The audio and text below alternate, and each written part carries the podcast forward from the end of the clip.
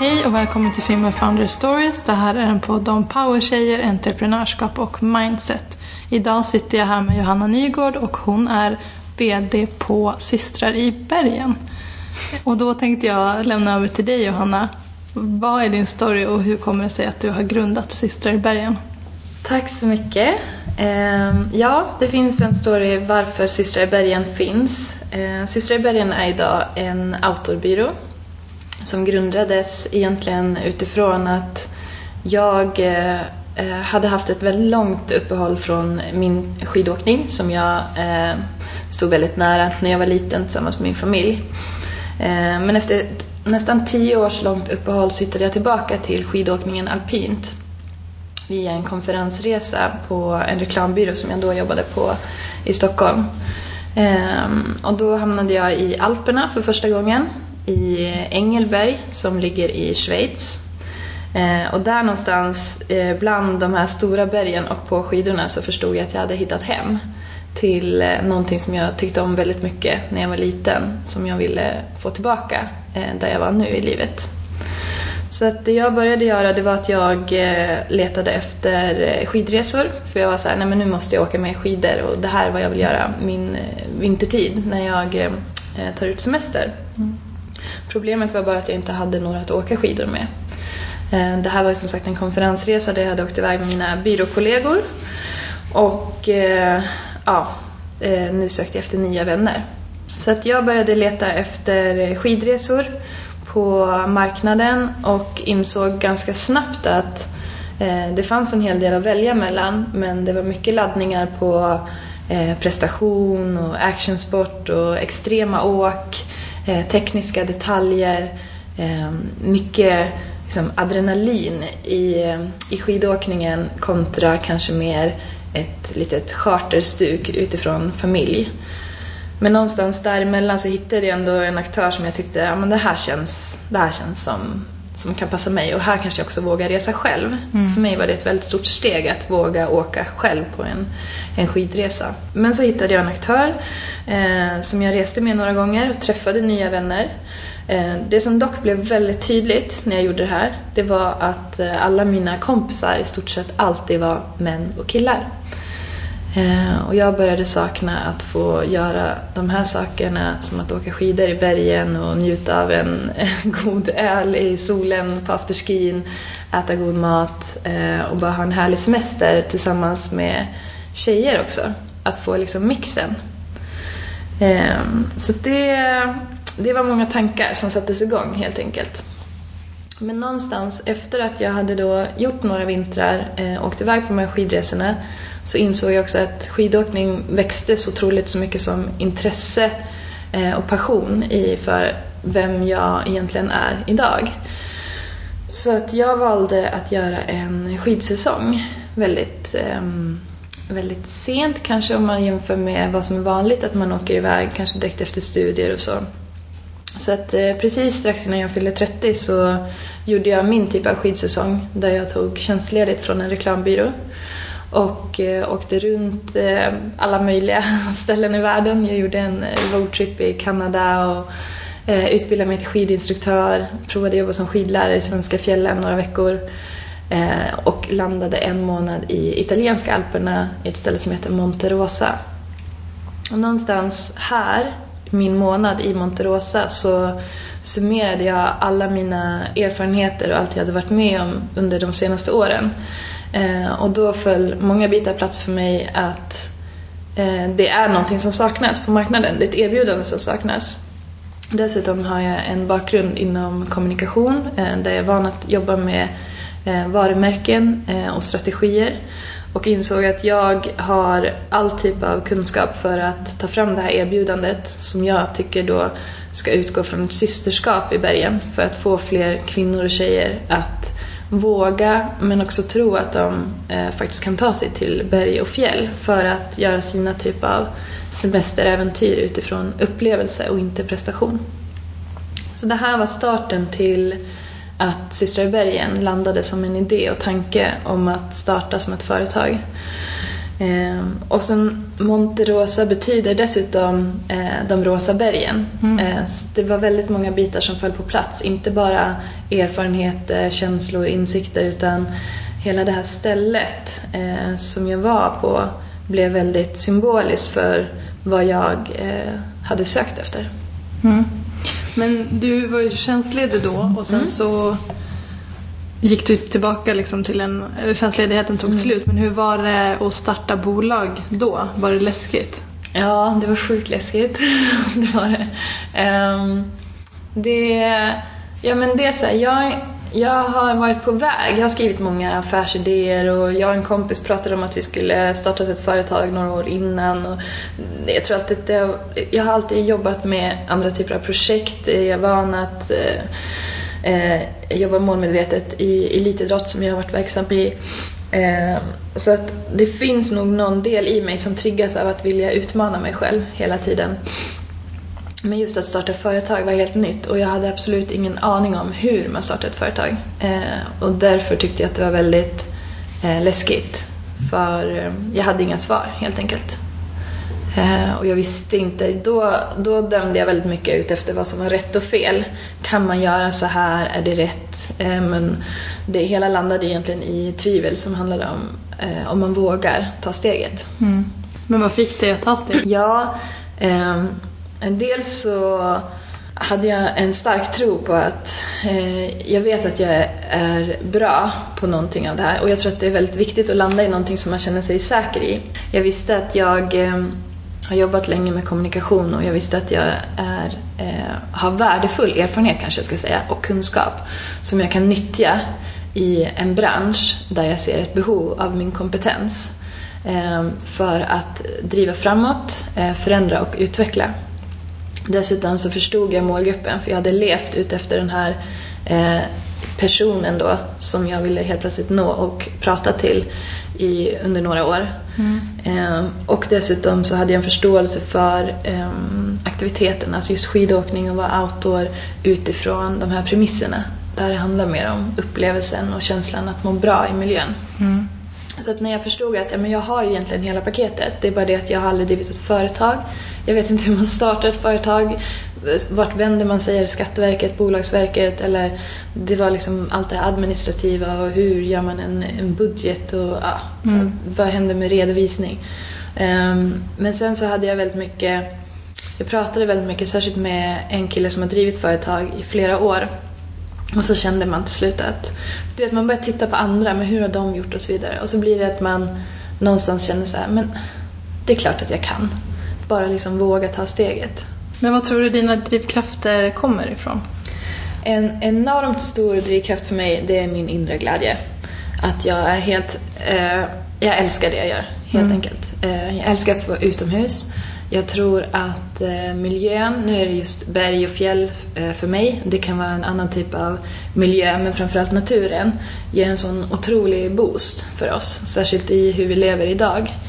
Eh, sen har jag alltid triggats av att jobba med kommunikation. Jag tycker att det är så otroligt spännande alla de verktyg och hur, hur den världen eh, liksom både ser ut och har sett ut. För det händer så himla mycket. Den är så otroligt rörlig. Mm.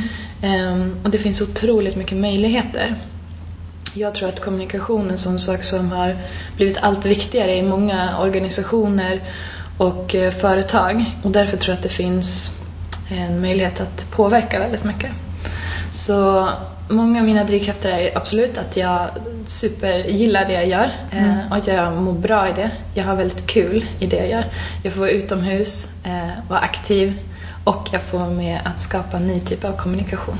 Har du alltid vetat att du ska bli entreprenör eller är det någonting som har växt i och med att du såg den här glappet på marknaden?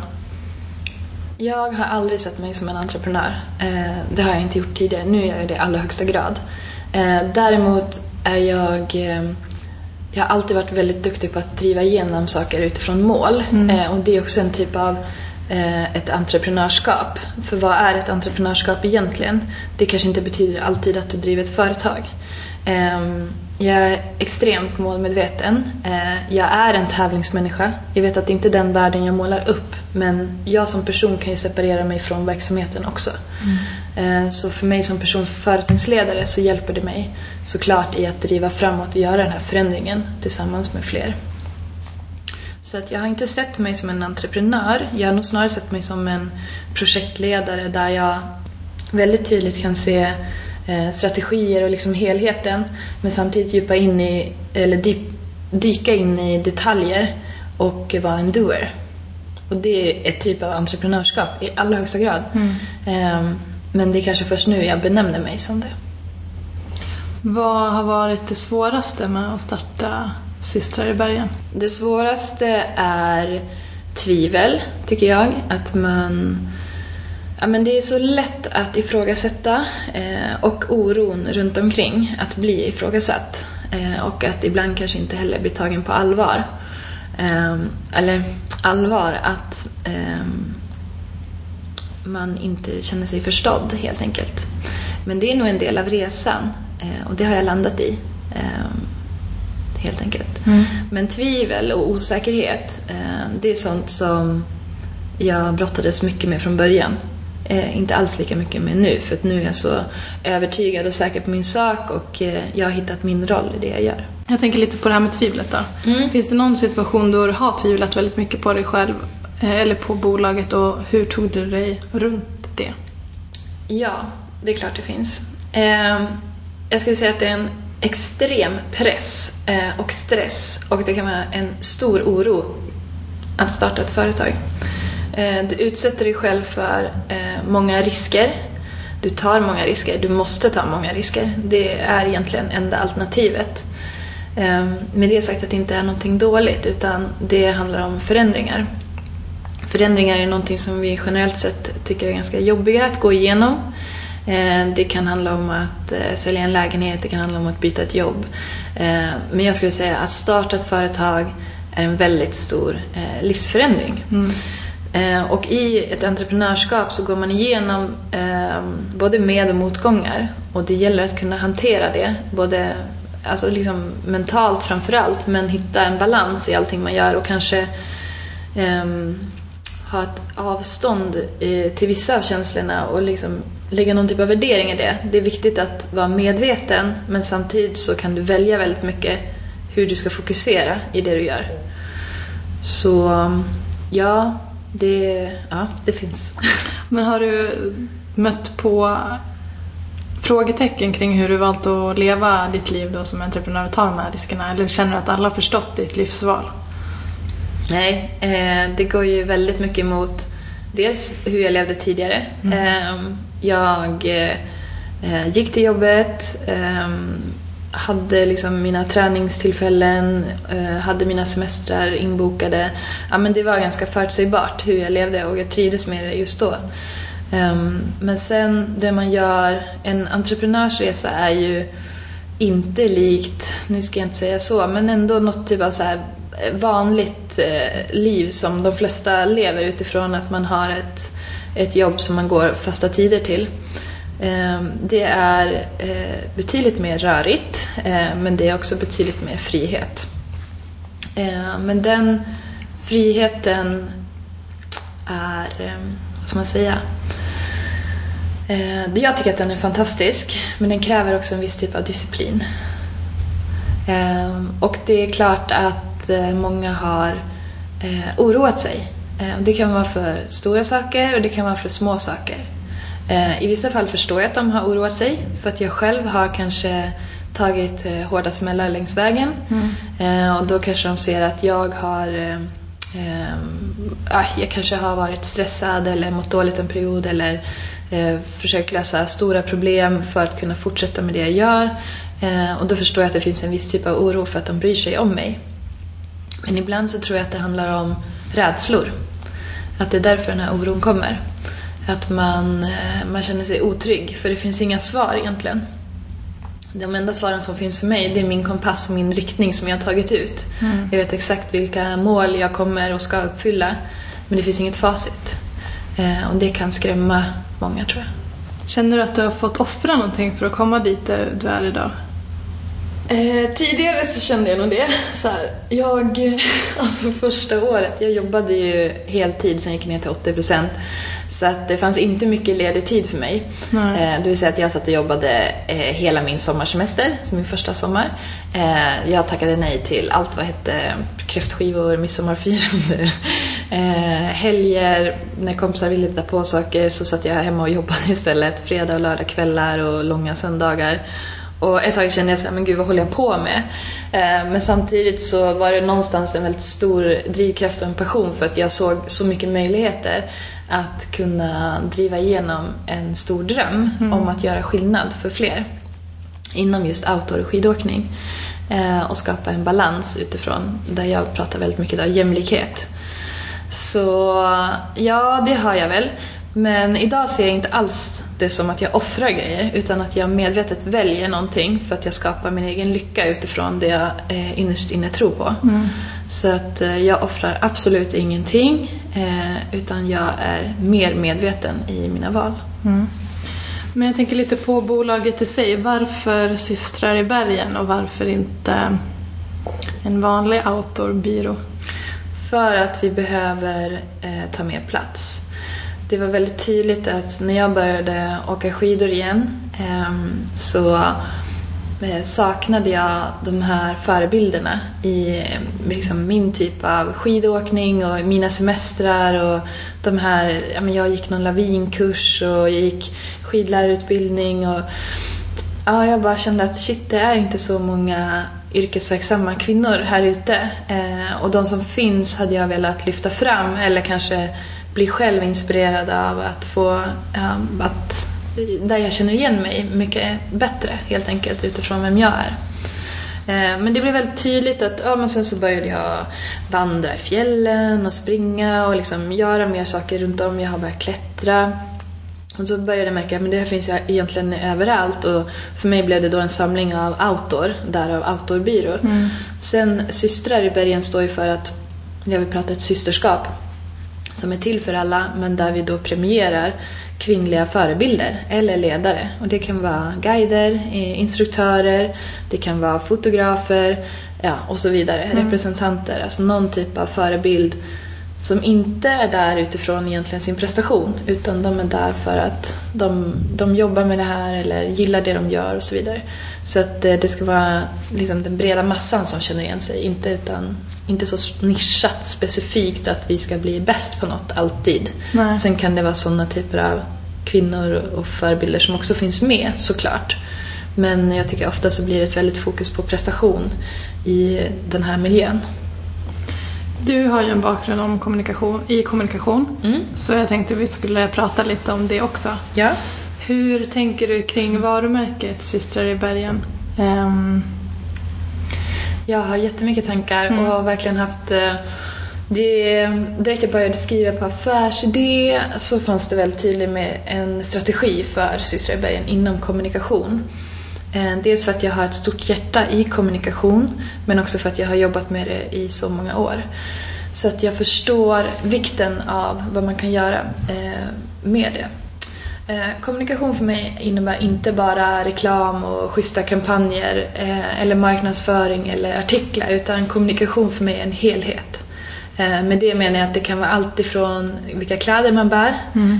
hur man pratar under resor eller systerträffar eller kurser.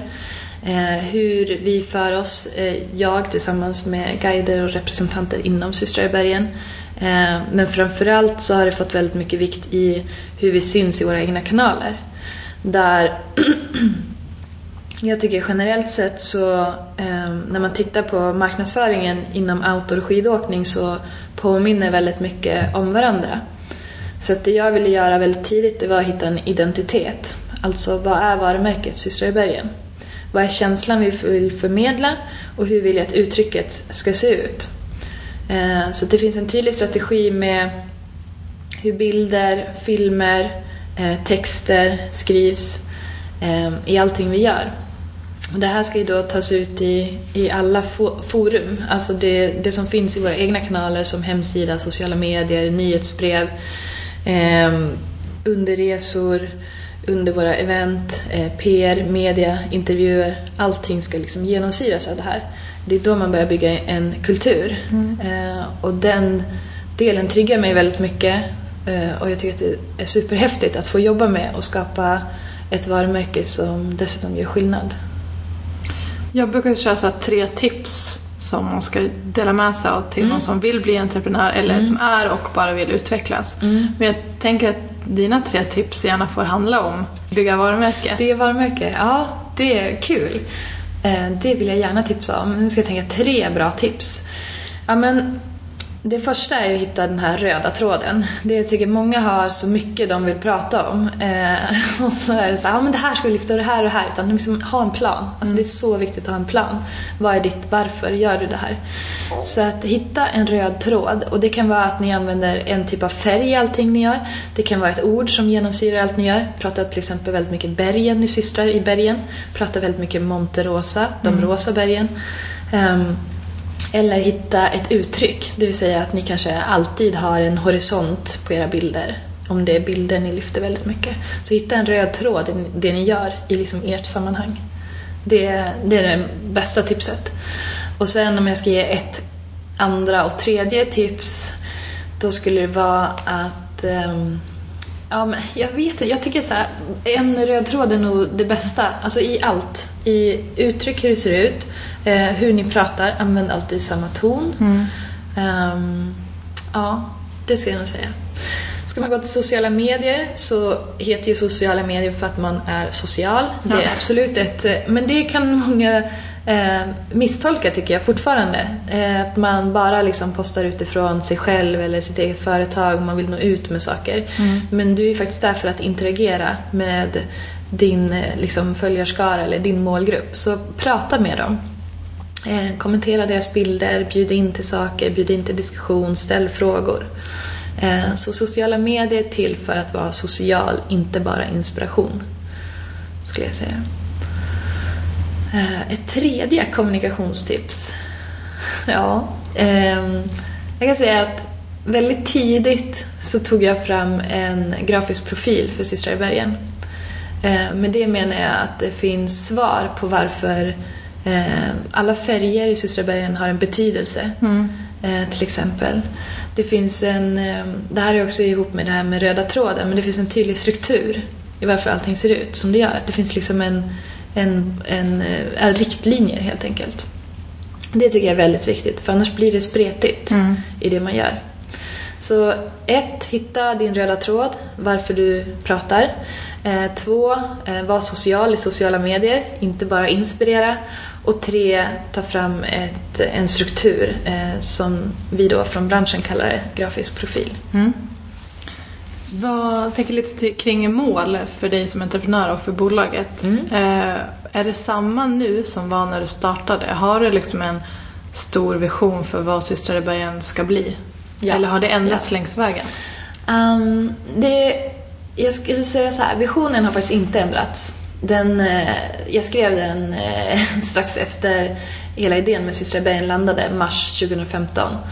Ehm, jag hade senast igår en föreläsning där jag läste upp visionen och bara förstod att den här är precis densamma och det kommer den vara tills vi har gjort den här utvecklingen och förändringen.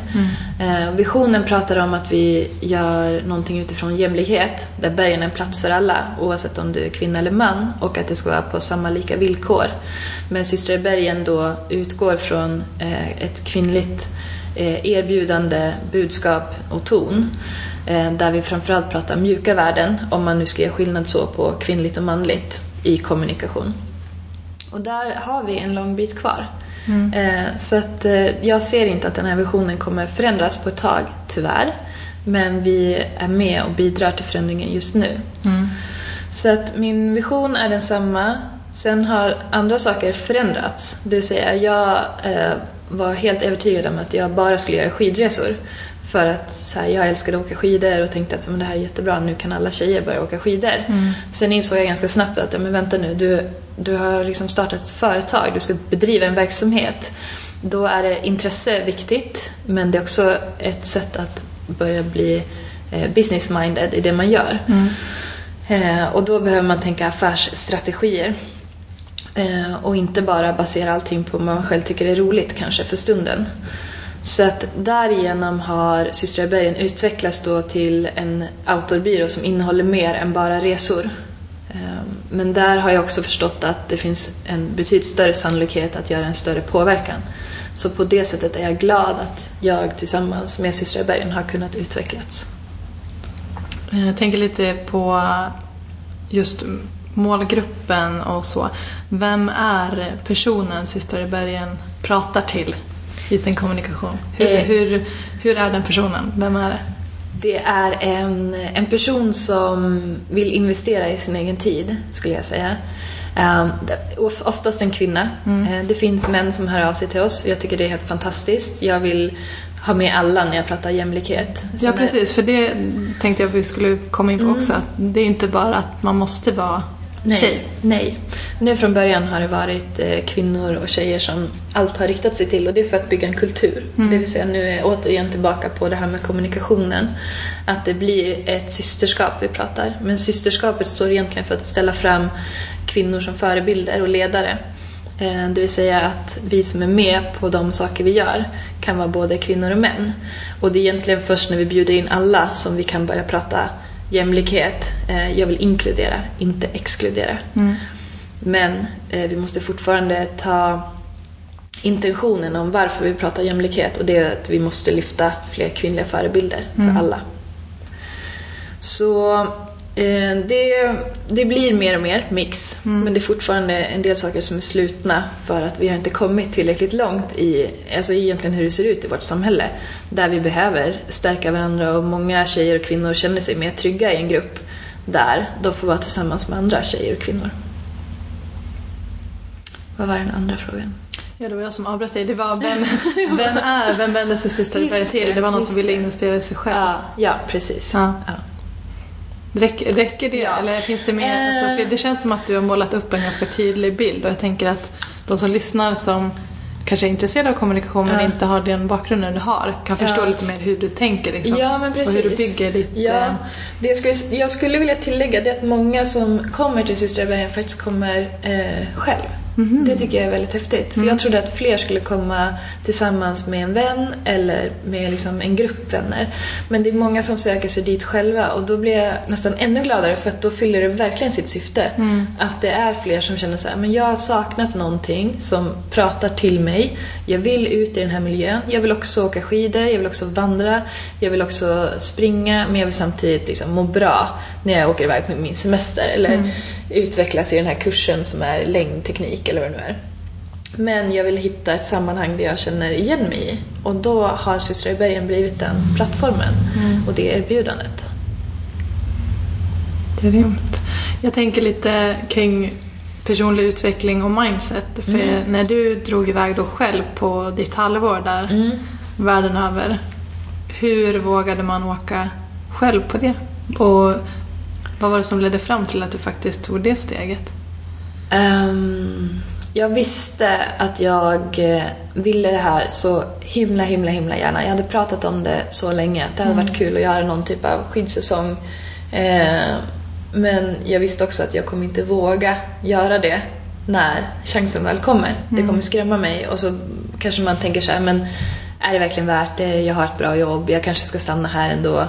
Och så blir det att man liksom faller tillbaka lite att äh, men så, jag lever ju ett bra liv, varför ska jag hålla på med det där? Mm. Eh, så att jag, jag kunde nästan förutse att men den här känslan kommer att komma och jag kommer inte ta steget för jag har inte vågat göra det tidigare.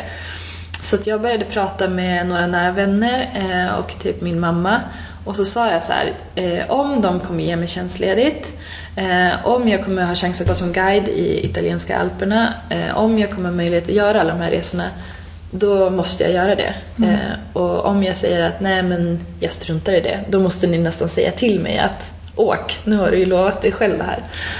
Eh, det behövde de inte göra, men för mig satt det väldigt långt inne att våga ta det steget. Så här i efterhand så tycker jag bara, eh, vadå, det är ju det är bara att göra. men, men det är oftast när man är just där inne i den här förändringen, då känns det som en storm som man bara är så här, nej men alltså, vad håller jag på med? Ska jag verkligen?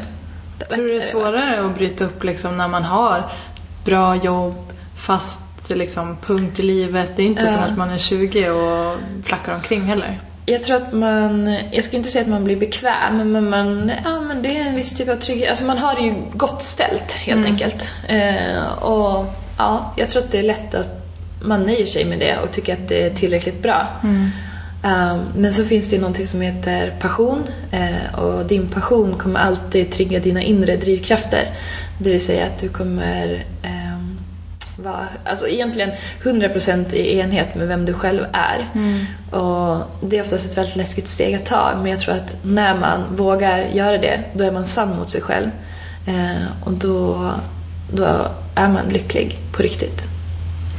Hur, har du haft fler passioner så att det har varit svårt att liksom sortera bort vad som inte får rymmas inom Systrar i bergen?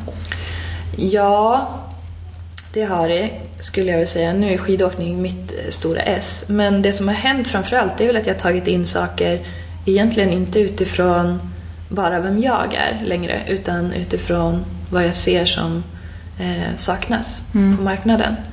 Så att eh, mycket utgick ju från början utifrån mina erfarenheter, insikter. Sen finns det en stor grund i Systrar i bergen som är väldigt laddad utifrån vem jag som Johanna är. I och med att det finns en, en otroligt personlig känsla, eh, en väldigt stor noggrannhet i allt vad kommer till kommunikation och att allt är väldigt genuint. Eh, och så vill jag att det ska fortsätta vara. Det är det som är jag tror att det är det som kommer efterfrågas mer istället för de här stora paketeringarna utan man vill bli sedd som människa idag. Så det ska alltid finnas kvar i Systrar. Men när det kommer till aktiviteter nu i vinter kommer vi till exempel jobba mer med längd och det är någonting som jag så här, alltså jag åker längdskidor men jag är bättre alpinåkare så har jag varit såhär, nej men det ska jag inte göra och varför ska jag göra det? Men sen har det liksom kommit återkommande frågor. När ska ni göra nästa längdevent? När ska ni göra en kurs? När ska ni göra... Och sen till slut så är det såhär. Men det här är ju, det här är ju ett affärsben eh, och det här är ju en verksamhet som också ska bedrivas som ett bolag. Eh, då måste man också bemöta förfrågan från kunder och målgruppen eh, och också se nya affärsmöjligheter så länge det går inom ramen för vad Systrar i bergen står för. Så det är ett sånt ben som ja, har liksom kommit till och så, så kan det nog bli och så kommer det bli helt enkelt. Men hur hittar du inspiration själv? Jättemycket när jag är ute eh, och reser framför allt. Jag får otroligt mycket influenser. Jag känner att jag sa det till någon så här, ja, men nästa vecka ska jag åka iväg och göra en konferens. Eh, just nu bor jag i Åre och trivs jättebra där. Men samtidigt så är det så här, men jag ska ha min konferens, då får det inte finnas ett tak.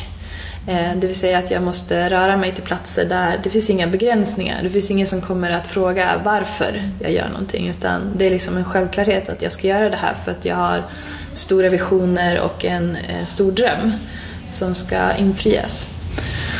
Så resor, men alltså min skidåkning och vinter är jätteviktig. Eh, och att vara aktiv i en miljö utomhus. Hur ser en vanlig dag ut för dig? Det känns som att du inte har en vanlig dag. Nej. För du jobbar ju lite här, här och var i världen. Ja, och det är så jag vill ha det just nu. Eh, en typ av frihet. Och det tror jag att många entreprenörer kan söka sig efter. Och det här är något som jag funderar på framåt också. Hur, hur kommer det se ut den dagen vi är fler som jobbar eh, heltid med Systrar i bergen? För jag ser Systrar i bergen som ett, eh, ett bolag där vi är flera som kommer vara verksamma. Ehm, och jag tror inte att jag kommer ha det här klassiska kontoret utan snarare så kommer det vara att man har hubbar så att man ska kunna röra sig emellan. Ehm, men eh, en vanlig dag, jag är väldigt, vad ska man säga, vissa saker planerar jag eh, längre fram men jag lämnar alltid utrymme för att eh, kunna ta saker ganska ad hoc. Eh, och det, är, eh, det tycker jag funkar väldigt bra just nu. Det vill säga att jag kanske inte bokar mina resor alltid eh, tre månader innan utan det kan vara nästan så här dagarna innan eller veckan innan. Men eh, det stör mig inte på något sätt. Och särskilt inte nu när jag har en bas hemma i Åre och alltid kan komma hem och landa där på ett ställe där jag mår bra. Så eh, det är ju väldigt olika. Just nu har det varit mycket Åre-Stockholm eh, framför allt. Och i Stockholm är jag eh, väldigt mycket ute på stan och träffar människor och, och driver igenom mycket nya och, ja, projekt, eh, olika samarbeten. Vad gör du om fem år? Och vad är Systrar i bergen om fem år? Ja, jag bara ja. Uh, ja alltså, dina ögon glittrar nu ska ja. jag säga, de som inte är här. ja. ja, men så här, ja, som jag sa, jag har inget tak i det jag gör. Uh, jag tror att allt är möjligt. Och det, alltså det kan låta superpretentiöst och så här, men vad då liksom, allt är möjligt och det blir lite... Men jag tror verkligen det. Och jag känner att jag har bevisat det gång på gång för mig själv. Jag har haft ganska stora motgångar i en sak som hände i maj till exempel i vintras där jag eh, skadade mig faktiskt i en skidolycka. Eh, men ändå så står Systrar i bergen upp idag trots att eh, jag driver bolaget själv, mm. dock förvisso tillsammans med guider och instruktörer runt om mig. Men det är en, det är en känslig, man är otroligt utsatt som ensam företagare i en startup. Så att och någonstans där så det är klart att jag tvivlade och var så här, kommer jag orka ta tag i det här igen? Men jag bestämde mig att det här, är, det här är liksom mina största drömmar. Jag vet att jag kommer kunna göra skillnad för så många fler och det är redan så många som är med på tåget i Systrar i bergen. Och jag kände också att det behövs utifrån att, jag ska inte säga att jag har en skyldighet, men någonstans så har jag tagit på mig en mission och ett ansvar att eh, hjälpa andra. Eh, så tillsammans med allt annat så kände jag att nej, men det, här ska, det här ska jag vända. Så utifrån eh, den händelsen så blev det ännu mer tydligt för mig att mina visioner och drömmar framåt eh, inte är orimliga på något sätt.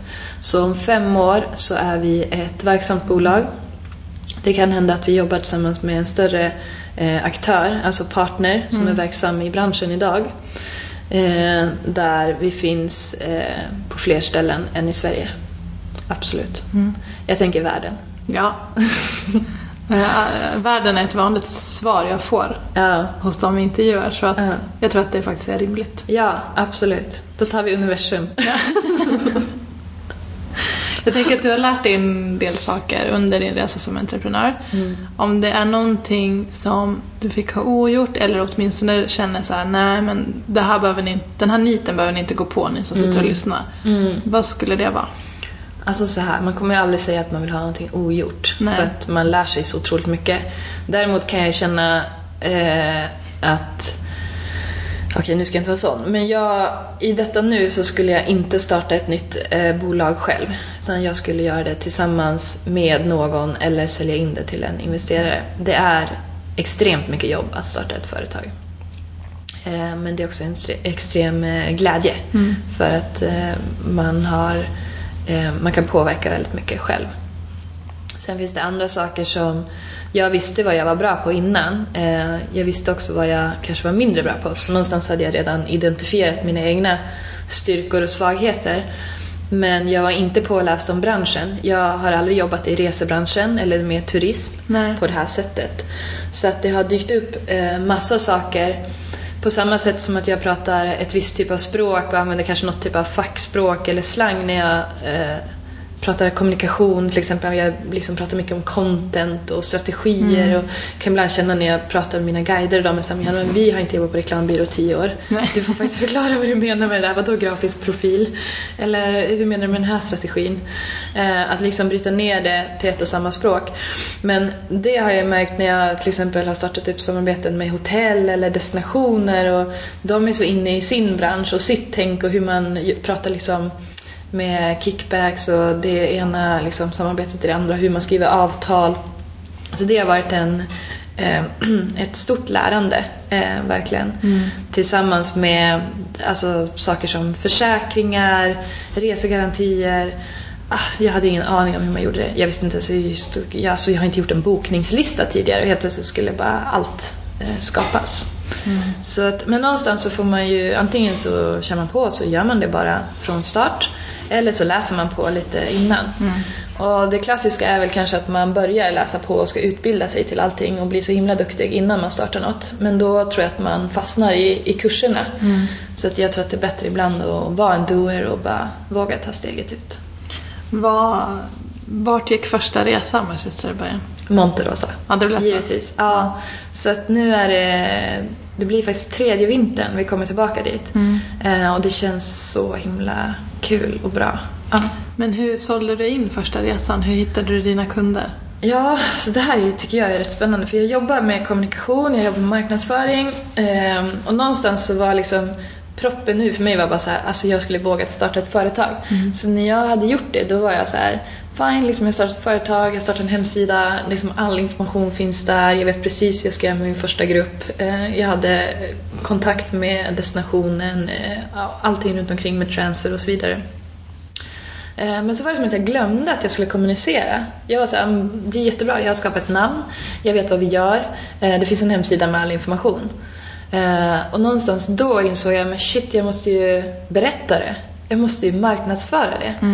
Eh, Och jag tror att dels är ja, jag har jobbat med marknadsföring, eh, men ändå glömde jag det. Och det var nog så mycket om att jag inte vågade berätta. Mm.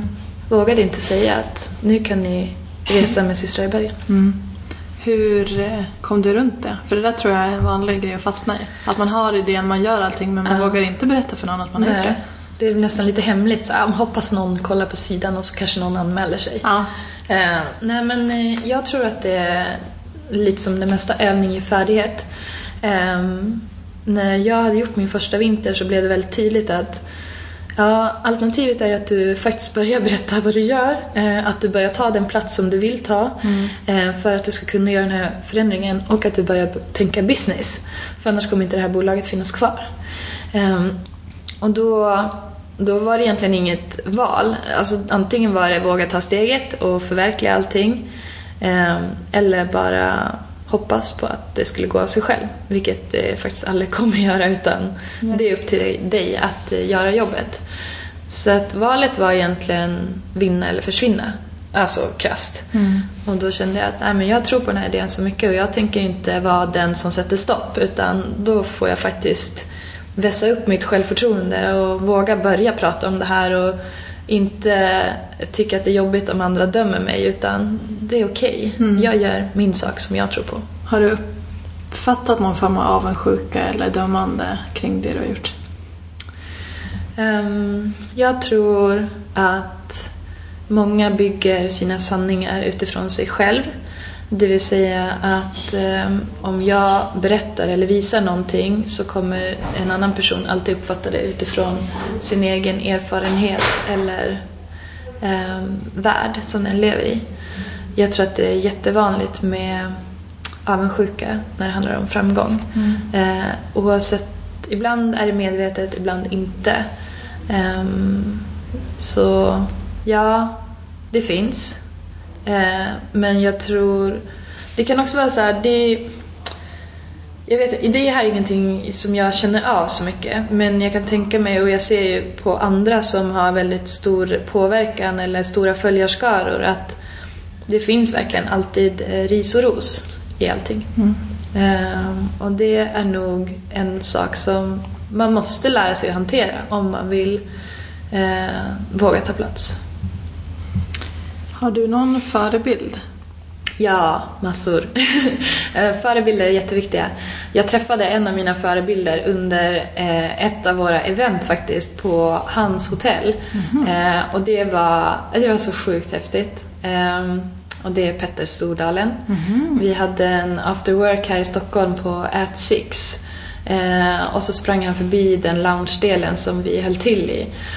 Ehm, och jag har träffat många personer i det jag gör och jag har utsatt mig själv för många obekväma situationer men jag var jättenervös men jag kände att jag tänker inte låta någon springa förbi mig en gång till utan jag måste gå fram och säga hej.